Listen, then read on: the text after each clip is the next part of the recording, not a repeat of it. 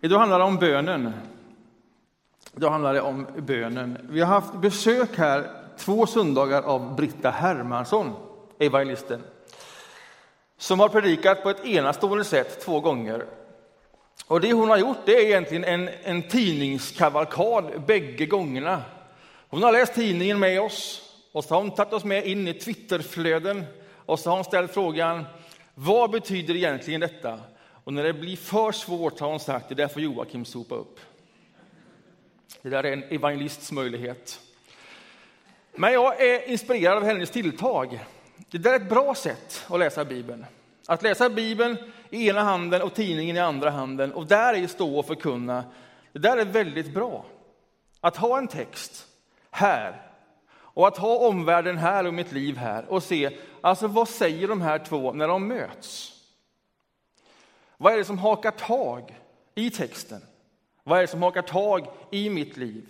Det där är en sorts bibelmeditation som hon har gjort på ett jättefint sätt. Så jag följer med i hennes anda en tredje söndag här nu.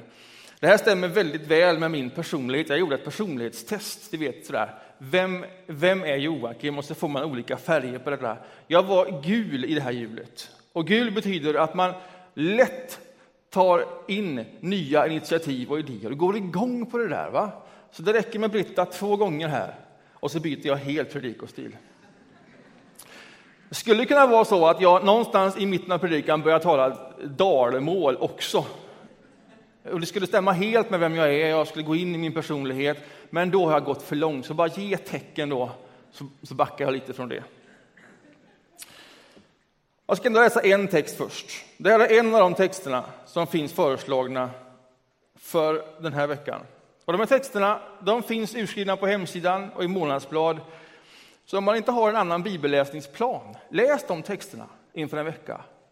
Och så gör man det som Britta har gjort och det som vi gör nu. Vad är det som hakar tag i de här texterna och i det som händer i det liv som vi lever? Så här står det i första Kungabok kapitel 3 och vers 5. Första Kungabok kapitel 3 och vers 5. Det finns på sidan 246 om du har en röd bibel.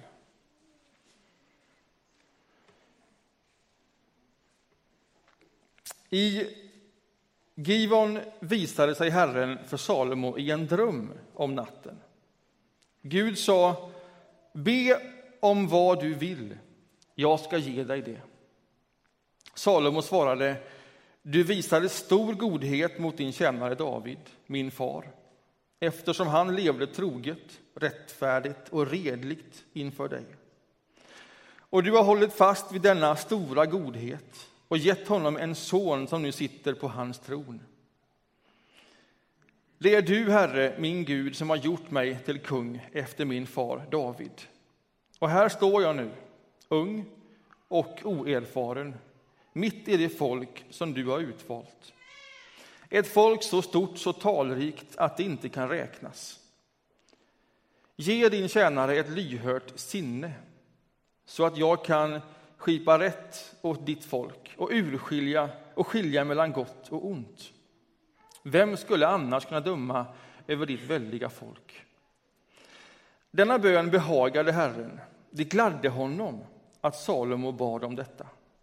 Gud sa, eftersom du bad om detta och inte om ett långt liv eller om rikedom och inte heller om dina fienders död, utan bad om gåvan att urskilja vad som är rätt, så uppfyller jag nu din bön och gör dig visare och mer insiktsfull än någon har varit före dig eller kommer att bli efter dig. Också det som du inte har bett om ger jag dig rikedom och ära i alla dina dagar, mer än vad någon annan kung har haft. Och om du vandrar mina vägar och rättar dig efter mina bud och stadgar, så som din far David gjorde, ska jag ge dig ett långt liv. Då Salomo vaknade förstod han att det varit en dröm. Det där är ju en spännande bibeltext på temat bön. Den där texten har jag haft med mig in i den här veckan. Vad är det då som har hakat tag i den texten i det temat av allt det som har hänt. Här är en sak som har hakat tag.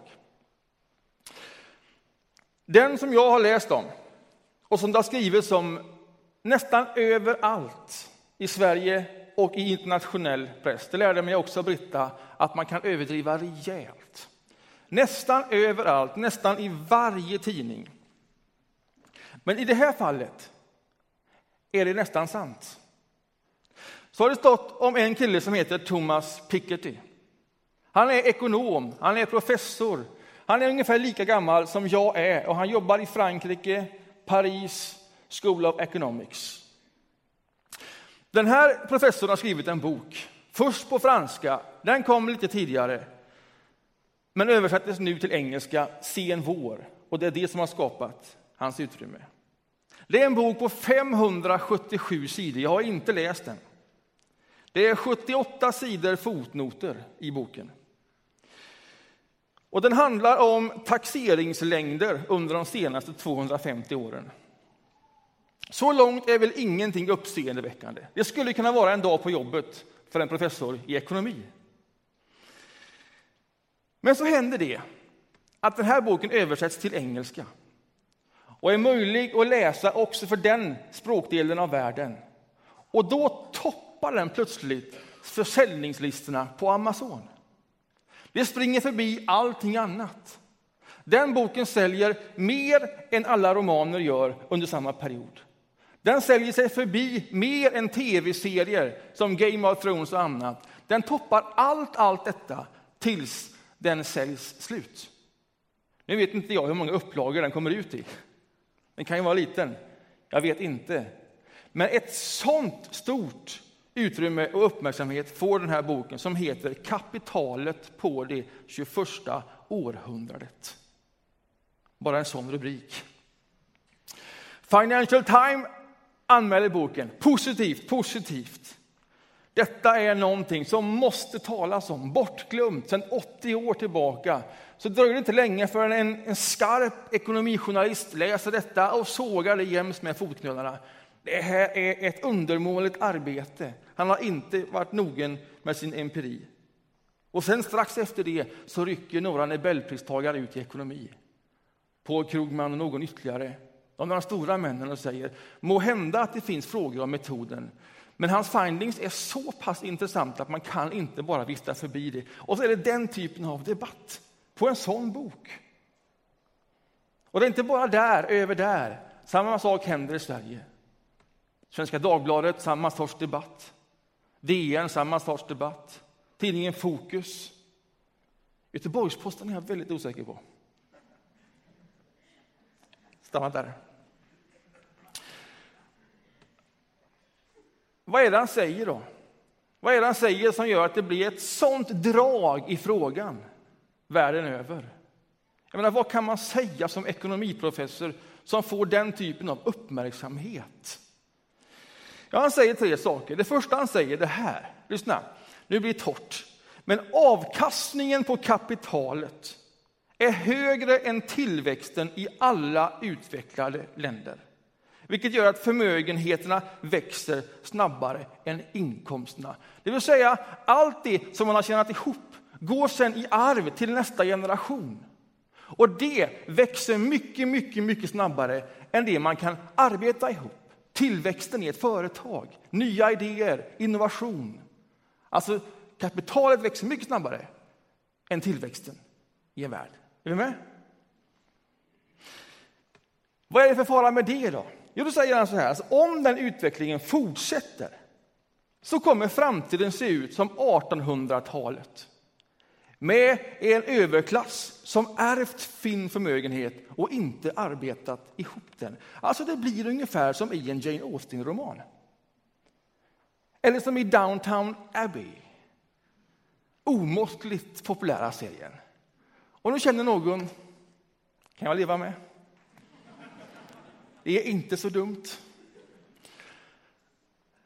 Och så är det då fler som tänker, jag läste alldeles när den var som mest het, Downtown Abbey, att det hade startats en butlerskola i USA.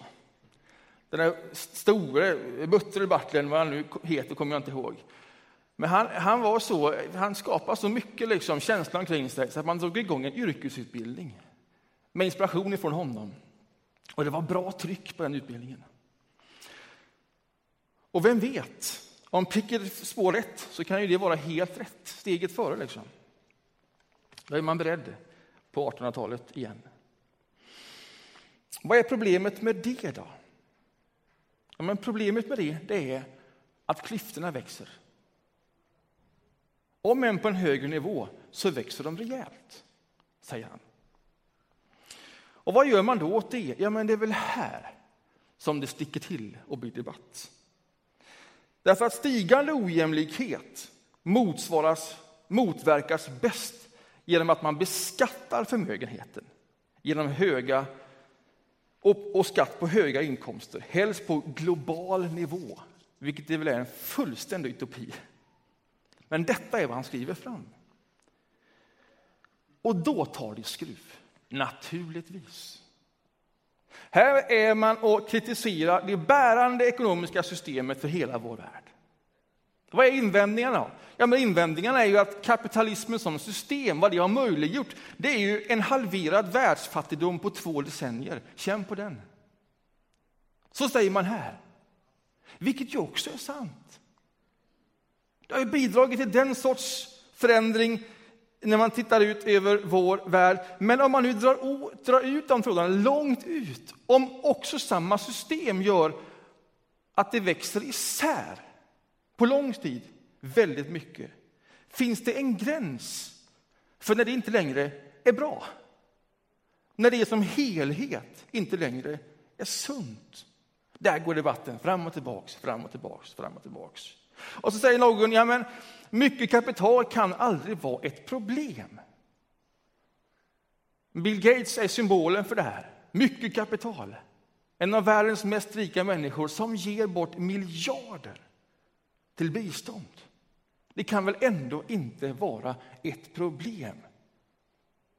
Och det är en tjusig berättelse. Och så säger den andra sidan, ja men möjligen, möjligen finns det ett problem om det är så och kommer att bli så än mer att den med störst kapital sätter agendan för vad som är viktigt och vad som ska finansieras och vad som är stort. Och så börjar debatten fram och tillbaks, fram och tillbaks, fram och tillbaks. Och det handlar om ojämlikhet. Är det en fråga? Är det inte en fråga? Vi har de system som vi har. Och det är bara att åka med i det. Eller vad är det? Ja, frågan om kring ojämlikhet och lika livschanser, den är ju inte ny. Och den är inte främmande för bibelordet.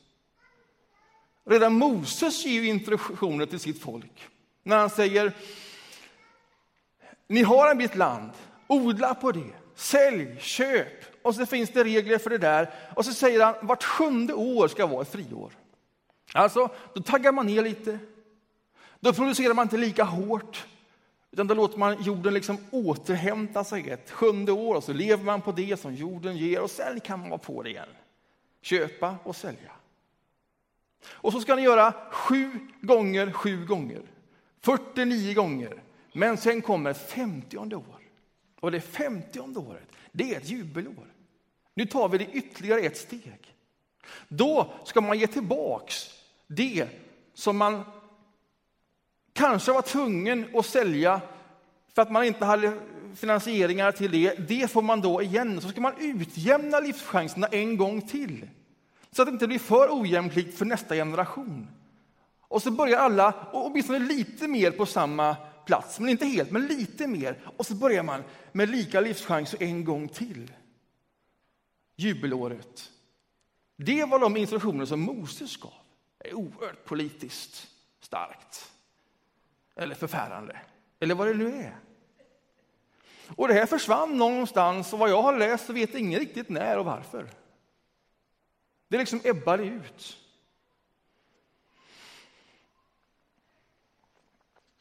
Vad har det här med bön att göra, tänker du? Det är ändå bönsöndag, vi läste om bön här. va? Bra fråga. Salomo, han drömmer en dröm. Och i den drömmen är det Gud som riggar. Frågan och svaret. Och så uppstår det en dialog där. Och frågan som Gud riggar till Salomo, det är alltså, du får be om vad du vill. Och du ska få det. Det är ju en möjlighet. Det är ju en oerhörd möjlighet. Det är ju en jättefråga. Tänk om du skulle få den frågan av Gud i ditt knä. Du får be om vad du vill. Och du ska få det. Vad ligger överst då? Ja, kanske är det gott och väl så och bra att Salomo får hjälp av Gud att svara på frågan. För så är det ju. För i den här versionen så ber Salomo om gåvan att urskilja vad som är rätt. Och det där gillar Gud. Det där var en bra bön. Det där var en god hållning. Gåvan att urskilja vad som är rätt.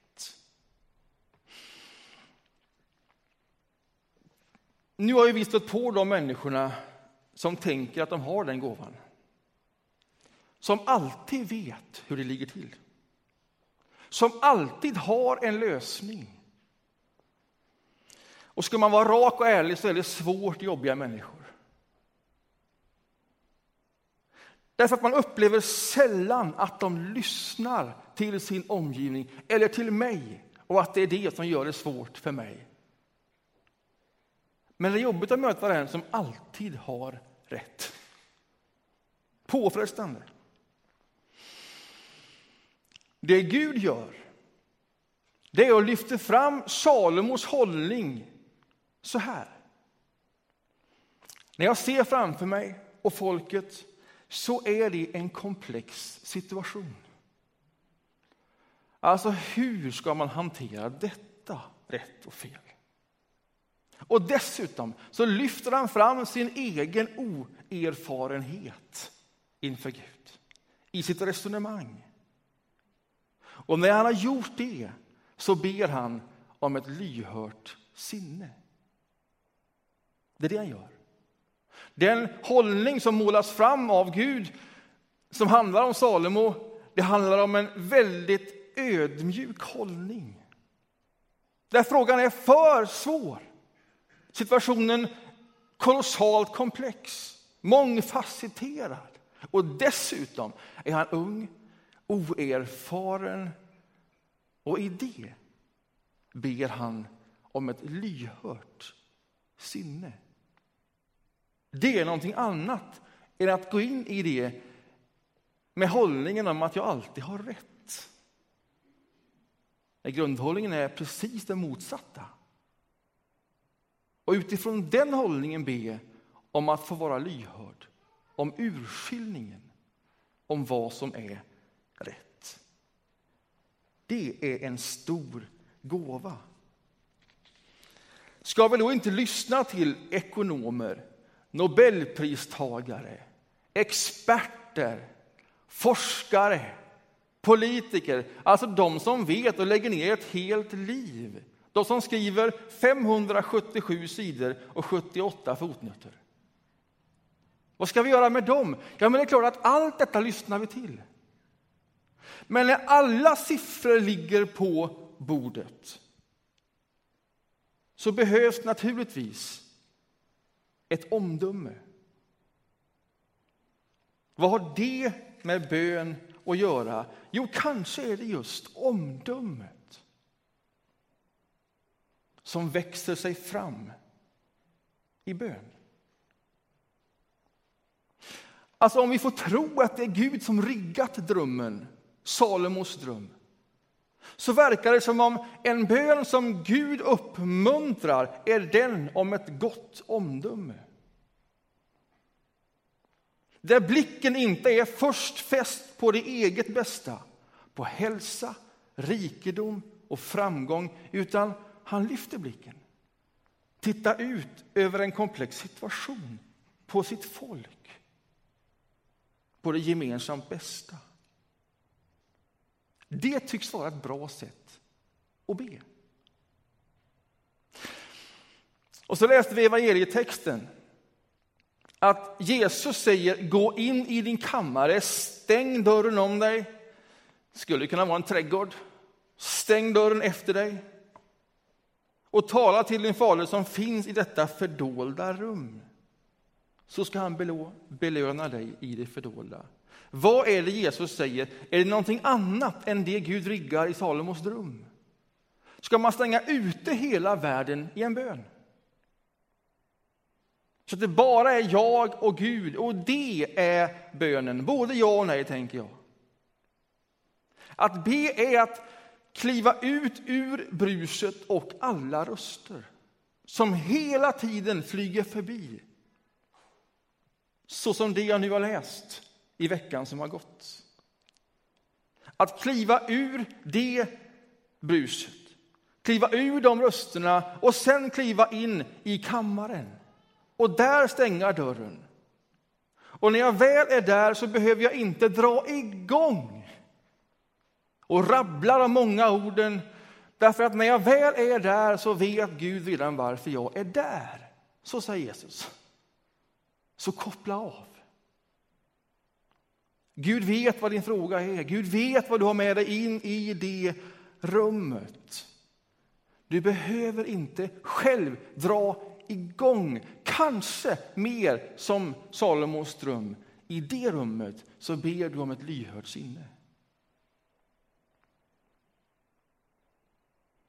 Att det är det som vill till. När bruset stillar sig, att du då har mental kraft, vilja, närvaro att lyssna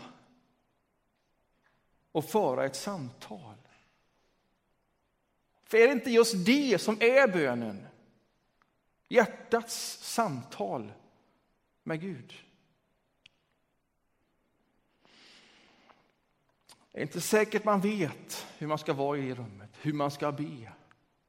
Man kan bli osäker av tystnaden. Om detta är gott nog, om det är bra, vad jag borde säga. Och då läser man den tredje texten av de föreslagna texterna. Och det är Paulus som ger lite vägledning in i detta. När han säger koppla av, är det säger han inte, men det är ungefär andemeningen. Koppla av, anden leder dig. Och så här säger han, citat. Och ber med rop utan ord. Och han som utforskar våra hjärtan, det vill säga Gud som bryr sig om på djupet vem vi är, vad frågorna är, vet vad anden menar. Alltså när du stängt dörren till din kammare, när du är där, koppla av. Därför att du kliver in i någonting som pågår, som inte är så beroende av dig. Där ropar anden ord. Du hör det kanske inte medvetet, men det spelar ingen roll för den som hör de orden. Förstår de orden.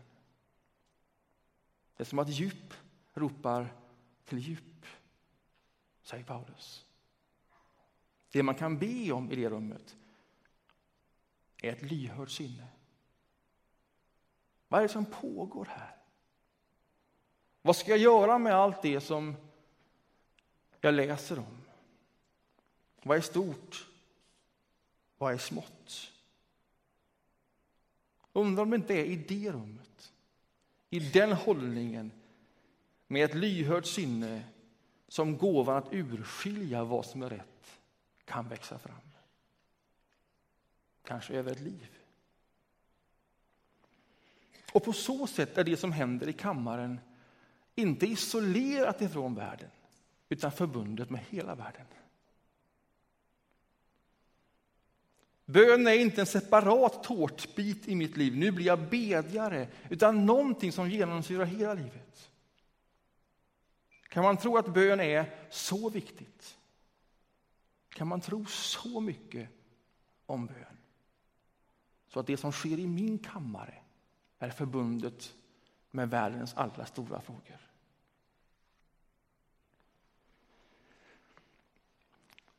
C.S. Lewis jag såg honom i en film, en biografisk skildring. Och bara i en sekvens mot slutet av filmen så möter han en kollega. Han kommer ur kyrkan, kollegan finns där på universitetsområdet. Och till saken då hör att C.S. Lewis har träffat en kvinna sent i livet. De har funnit varandra och så får hon cancer. Och överlever inte. Och sen bara i den här korta sekvensen så möts de här två kollegorna och kollegan säger till C.S. Lewis någonting i stil med, som jag minns det. Gör det någon skillnad att du ber?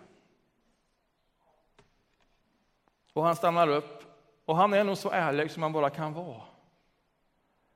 Jag vet inte, men det förändrar mig. Och så är det alltid med bön. Det kan man alltid veta om bön. Därför att där lär man känna Gud. Och i det samtalet lär man sig urskilja vad som är stort och vad som är smått. Vad som ligger på Guds hjärta. Eller om man så vill, vad som är rätt. Men det är ett så hårt ord. Jag tror inte framtiden helt kan överlåtas åt ekonomer, hur duktiga de än är. Eller åt andra experter, för den delen. Jag tror det är dags för bedjarna att kliva fram. De med ett lyhört sinne.